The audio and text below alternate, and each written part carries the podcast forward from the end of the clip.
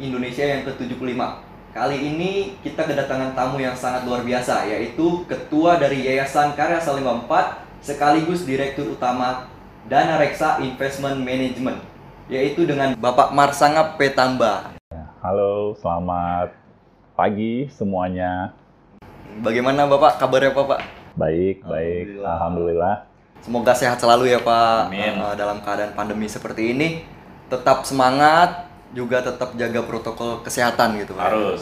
Sebelum kita memulai diskusi di kita dengan Bapak Marsang Petamba, alangkah baiknya kita melihat cuplikan video dari kegiatan KSE berikut ini.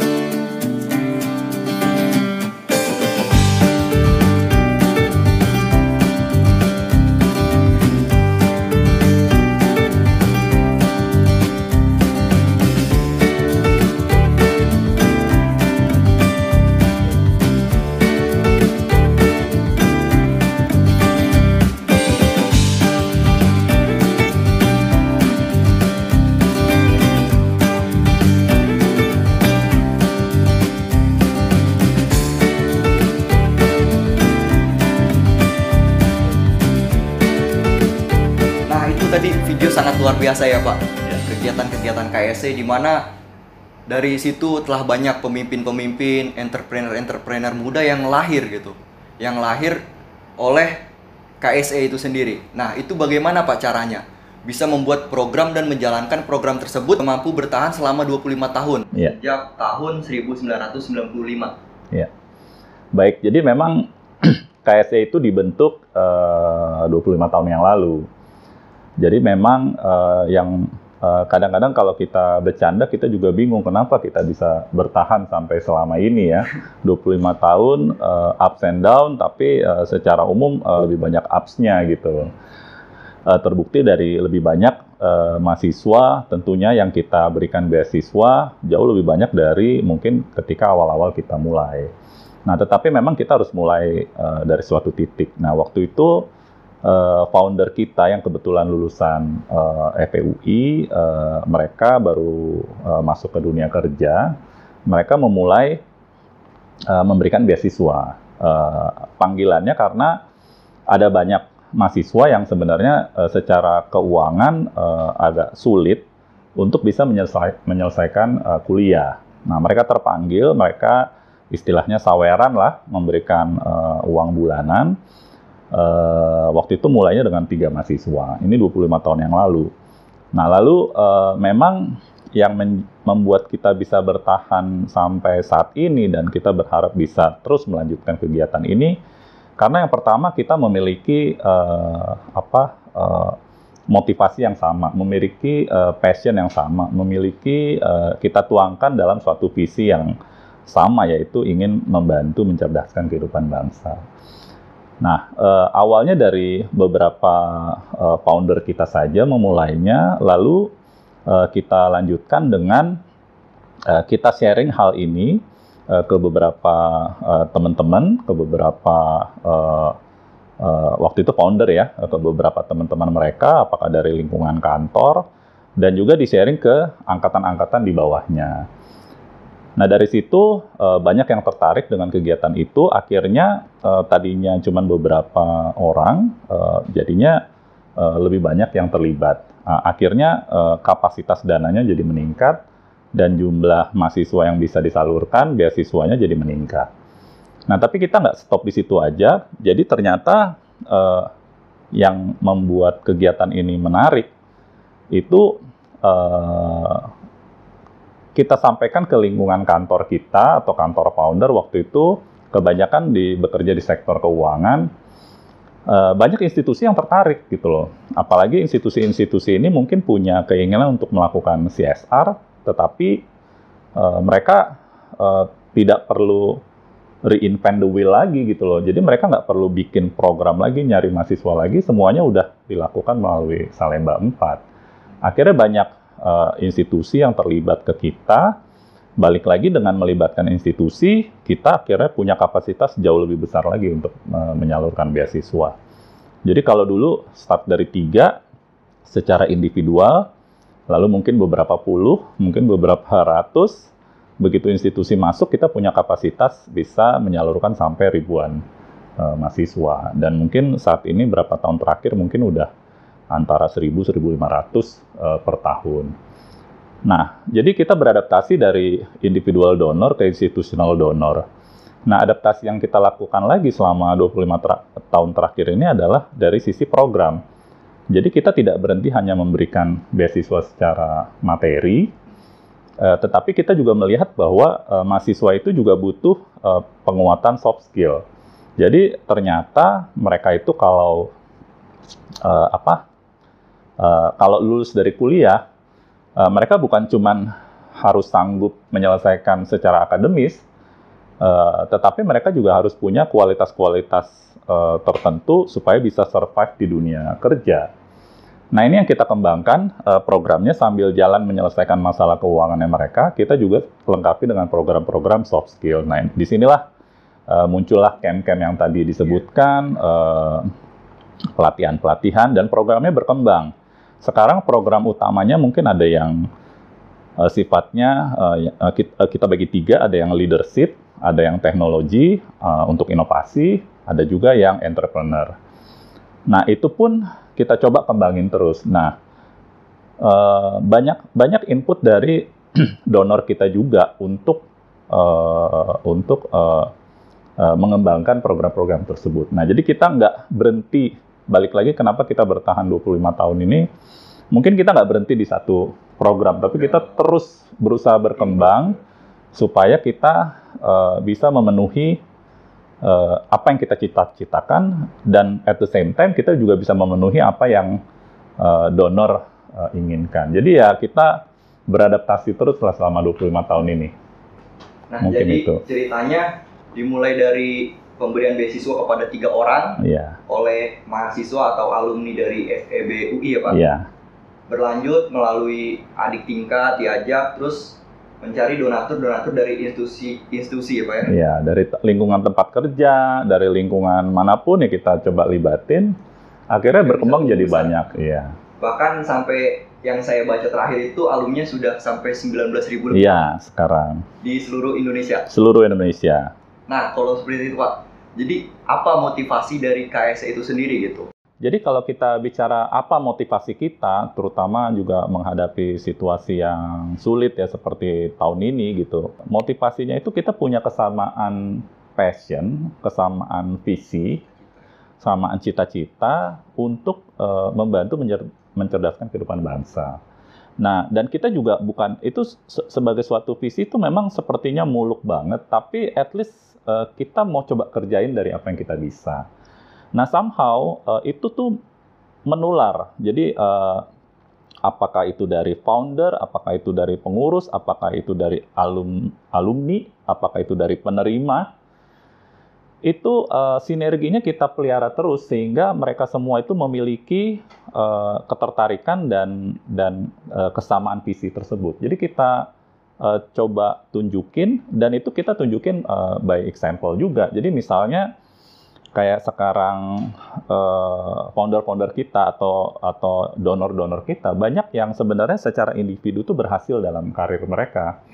Nah mereka nggak uh, ragu-ragu untuk uh, turun untuk sharing uh, sesuai dengan tagline-nya KSC ada sharing, networking, developing. Itu mereka nggak ragu-ragu untuk men-share uh, kenapa mereka bisa di posisi mereka bisa memberikan motivasi kepada adik-adik mahasiswa uh, dan mereka melakukannya dengan senang hati gitu. Jadi uh, mungkin itu yang dilihat sama si penerima uh, responnya dari penerima dari mahasiswa maupun alumni juga uh, uh, terbalaskan gitu. Mereka merespon dengan baik dan mereka ingin melakukan itu lagi ke kepada adik-adiknya. Jadinya uh, nyambung terus. Nah, ini motivasi ini saya pikir uh, somehow ya ini yang membuat kita bisa bertahan 25 tahun ini rohnya itu tetap ada. Nah, ini Pak, dalam menjalankannya tentu kan juga banyak itu ada hambatan-hambatan dari sekian banyak penerima beasiswa KSE, alumninya. Nah, bagaimana cara KSE itu juga men-encourage gitu atau mendorong ini para penerima beasiswa dan alumninya itu untuk terus bersinergi. Sehingga khususnya pada pandemi seperti ini kan KSE tentu harus tetap bisa membuat program-program yang bagus gitu, yang menjawab tantangan-tantangan baru gitu. Iya. Jadi memang benar sinergi itu memang uh, uh, nggak bisa dihindari dan harus dilakukan sih. Jadi memang untungnya uh, yang tadi saya bilang uh, uh, keinginan untuk bersinergi dari semua pihak itu mungkin karena visinya tetap sama itu uh, cukup tinggi. Jadi kayak misalnya sekarang gitu, tantangan kita apa? Tantangan kita uh, balik lagi karena misinya adalah beasiswa, tantangan pasti dana. Apakah kita punya cukup dana untuk uh, memberikan beasiswa kepada cukup, cukup mahasiswa. Kalau yang butuh itu selalu banyak. Tiap tahun itu pasti kalau yang mengirim aplikasi itu bisa puluhan ribu. Sementara yang kita bisa kasih mungkin antara 1000 sampai 2000. Nah, itu tergantung dari ketersediaan dana. Itu yang paling mungkin paling relevan dalam uh, uh, urusan beasiswa. Tetapi uh, kita coba kompensasi itu juga. Jadi misalnya di balik pandemi ini uh, kita biasanya kan kalau soft skill itu ada camp-camp yang kita secara fisik datang berkumpul rame-rame uh, ke suatu tempat dari seluruh Indonesia datang ke situ. Tapi uh, karena biaya yang cukup mahal, uh, itu kita harus seleksi gitu. Nggak semua mahasiswa penerima uh, beasiswa itu bisa ikut camp. Nah sekarang dengan adanya pandemi ini kita harus melakukannya melalui online. Adaptasi ya, Pak. Nah, kita beradaptasi dengan online, bikin classroom secara online dan dan uh, bagusnya uh, akhirnya jadi banyak mahasiswa yang bisa mendapatkan kesempatan dari training-training itu. Kalau dulu mungkin harus kita seleksi dulu, uh, sekarang uh, hampir semuanya bisa dapat. Bahkan yang uh, mungkin secara paket lah ya, taruhlah seperti itu, uh, dia tidak entitled terhadap soft skill itu, uh, mereka jadi dapat gitu ada pelatihan-pelatihan. Jadi kelas-kelas yang resminya sama kelas sampingan itu banyak sekali sekarang yang online dan itu kita sepertinya lagi ingin apa fokusin lagi supaya lebih banyak jangkauan kita gitu untuk memberikan pendidikan soft skill. Jadi selalu ada hikmahnya lah dari balik pandemi. Intinya terus ber apa namanya beradaptasi. Ya, Pak, adaptasi dimulai dari camp yang biasanya langsung di tempat, tapi ini sekarang udah via Zoom iya. dan cakupannya lebih luas lagi. Iya. Salah satunya saya juga lihat waktu itu interview yang via Zoom ya Pak? Iya. Dilakukan oleh alumni itu. Nah itu menarik sekali tuh. Itu baru pertama kali kita melakukannya secara online nasional. dan nasional dan serempak. Dan itu ternyata kita jadi jadi bisa lebih mengkontrol uh, proses seleksi itu. Kalau dulu kan kita harus kirim beberapa orang dan nggak semua daerah uh, berkesempatan di, didatengin gitu. Jadi harus digabung misalnya satu Sulawesi itu mungkin nggak bisa di satu kota, apa nggak bisa di beberapa kota, tapi kita gabungin jadi satu. Nah itu ada kerepotannya sendiri dengan proses online ini. Somehow itu kita jadi efisien, efisien gitu loh. Semuanya bisa kita seleksi. Jadi ini luar biasa sekali sebenarnya pandemi ini membuat kita memaksa diri untuk melakukan sesuatu dengan cara baru gitu. Nah, pandangan bapak ini uh, khususnya untuk anak-anak muda gitu kan dalam hal kemandirian gitu kan, hmm. Kreativitas dalam berkarya gitu. Di tengah pandemi seperti ini kita dituntut untuk bisa berkarya agar lebih minimal kita bisa bertahan dan membuat Indonesia yang lebih baik gitu. Nah itu seperti apa pak? Nah sebenarnya sih kalau uh, soal kemandirian ini memang uh, itu adalah sesuatu yang memang kita coba di KSE ini membantu uh, penerima beasiswa itu memfasilitasi supaya mereka lebih mandiri. Jadi kata-kata mandiri ini memang penting banget buat kita karena memang awalnya kita melakukan ini karena penerima beasiswa itu tidak mandiri secara keuangan gitu sehingga mereka kesulitan untuk berkarya apa boro-boro berkarya untuk menyelesaikan kuliah aja sulit gitu. Nah jadi uh, kita coba fasilitasi itu di sisi lain juga kita coba bantu eh, apa-apa saja yang diperlukan oleh seorang uh, mahasiswa atau lulusan mahasiswa untuk uh, bisa survive di dunia nyata gitu di dunia kerja. Nah itu kita bantu dengan uh, soft skill tadi. Jadi ya uh, saya pikir sih uh, uh, buat anak-anak muda atau buat penerima beasiswa ya terutama ya mereka itu uh, memang lagi berusaha mengurangi hambatan-hambatan mereka uh, apakah itu keuangan apakah itu soft skill yang diperlukan supaya mereka bisa survive jadi saya pikir begitu kita punya kesempatan itu, ya memang jangan ragu-ragu untuk berkarya, jangan ragu-ragu untuk maju terus gitu loh. Jadi kalau ada kesempatan kejar terus, Kejar. berkarya gitu. Jadi walaupun dalam keadaan sesulit apa pun gitu kan, tapi kita tetap dituntut untuk kreatif gitu pak ya. Betul, Keluar dari zona, biasanya zona-zona nyaman kita harus keluar ya pak ya. harus keluar dan terutama ya kayak misalnya yang paling berasa itu ya kayak penerima beasiswa karena yang menerima beasiswa itu umumnya memang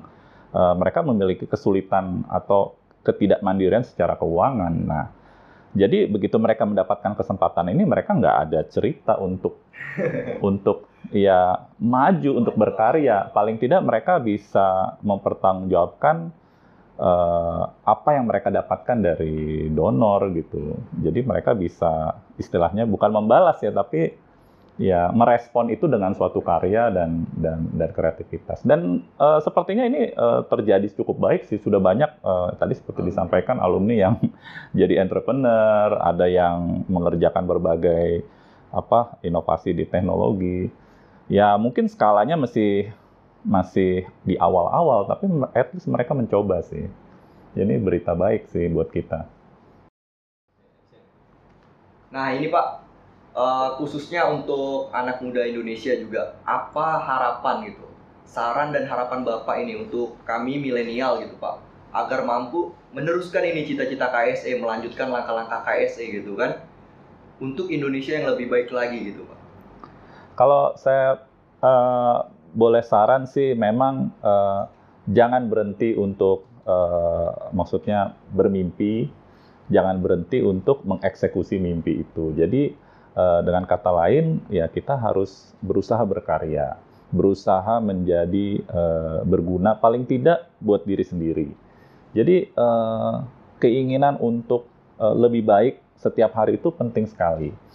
Eh, masalah pasti ada, masalah tantangan itu pasti ada. Terlepas dari latar belakang kita, apakah itu eh, ketidakmampuan ekonomi, apakah itu eh, ketidakmampuan yang lainnya gitu ya. Tapi kalau kita selalu positif, selalu ingin berbuat yang lebih baik dari hari ke hari, eh, mudah-mudahan eh, itu kita bisa tercapai apa yang kita mimpi atau cita-citakan. Sama seperti KSE. 25 tahun yang lalu nggak ada yang nyangka kita akan bisa memberikan mahasiswa ke ribuan anak. Nggak ada yang nyangka kita udah punya lulusan 19 ribu. Nggak ada yang nyangka kita udah menjangkau 34 universitas di Indonesia. Nggak ada yang nyangka. Even kita sekarang melakukan ini, kita masih sering, kenapa ya bisa begini ya gitu ya. Tapi tetap aja itu eh, yang kita lakukan, eh, kita coba beradaptasi, merubah apa memberikan program yang lebih relevan, berusaha menjaga sinergi, eh, berusaha menjalankan sharing, networking, developing, berusaha memberi contoh, lead by example ke anak-anak yang lebih muda, dan mereka merespon dengan baik. Jadi saya pikir eh, tetap eh, eh, stay on your dream, tetap fokus untuk menjalankannya, tetap berusaha untuk melakukan yang lebih baik, pieces by pieces, eh, sedikit demi sedikit, pasti eh, akan tercapai cita-citanya. Jadi poinnya tetap bermimpi, kita berani bermimpi dan lakukan dari yang kita bisa ya Pak. Dari yang kita bisa. Sungguh-sungguh kita kerjakan mulai dari yang kecil, kita nanti akhirnya juga nggak tahu seperti akan seperti apa gitu. Kita nggak akan tahu, tapi ya you will be surprised. Kita akan kaget. Sama seperti KSC. Sampai sekarang masih terkaget-kaget kita. Tapi ya kita nggak tahu, mudah-mudahan eh, kita bisa lanjutin terus. Ya ini cerita yang sangat menarik. Ya ini di waktu yang singkat gitu Pak ya, waktu Bapak yang sangat padat juga. Terima kasih atas kesempatannya mau sharing-sharing dengan kita. Semoga bermanfaat gitu Pak, Ah, khususnya untuk anak-anak muda dan juga alumni-alumni KSC di luar sana. Baik. Yang jumlahnya itu 19.000 itu banyak. Mungkin itu aja ya Pak ya. Terima kasih kasih. banyak Pak. Terima kasih. Semoga sehat selalu. Ya.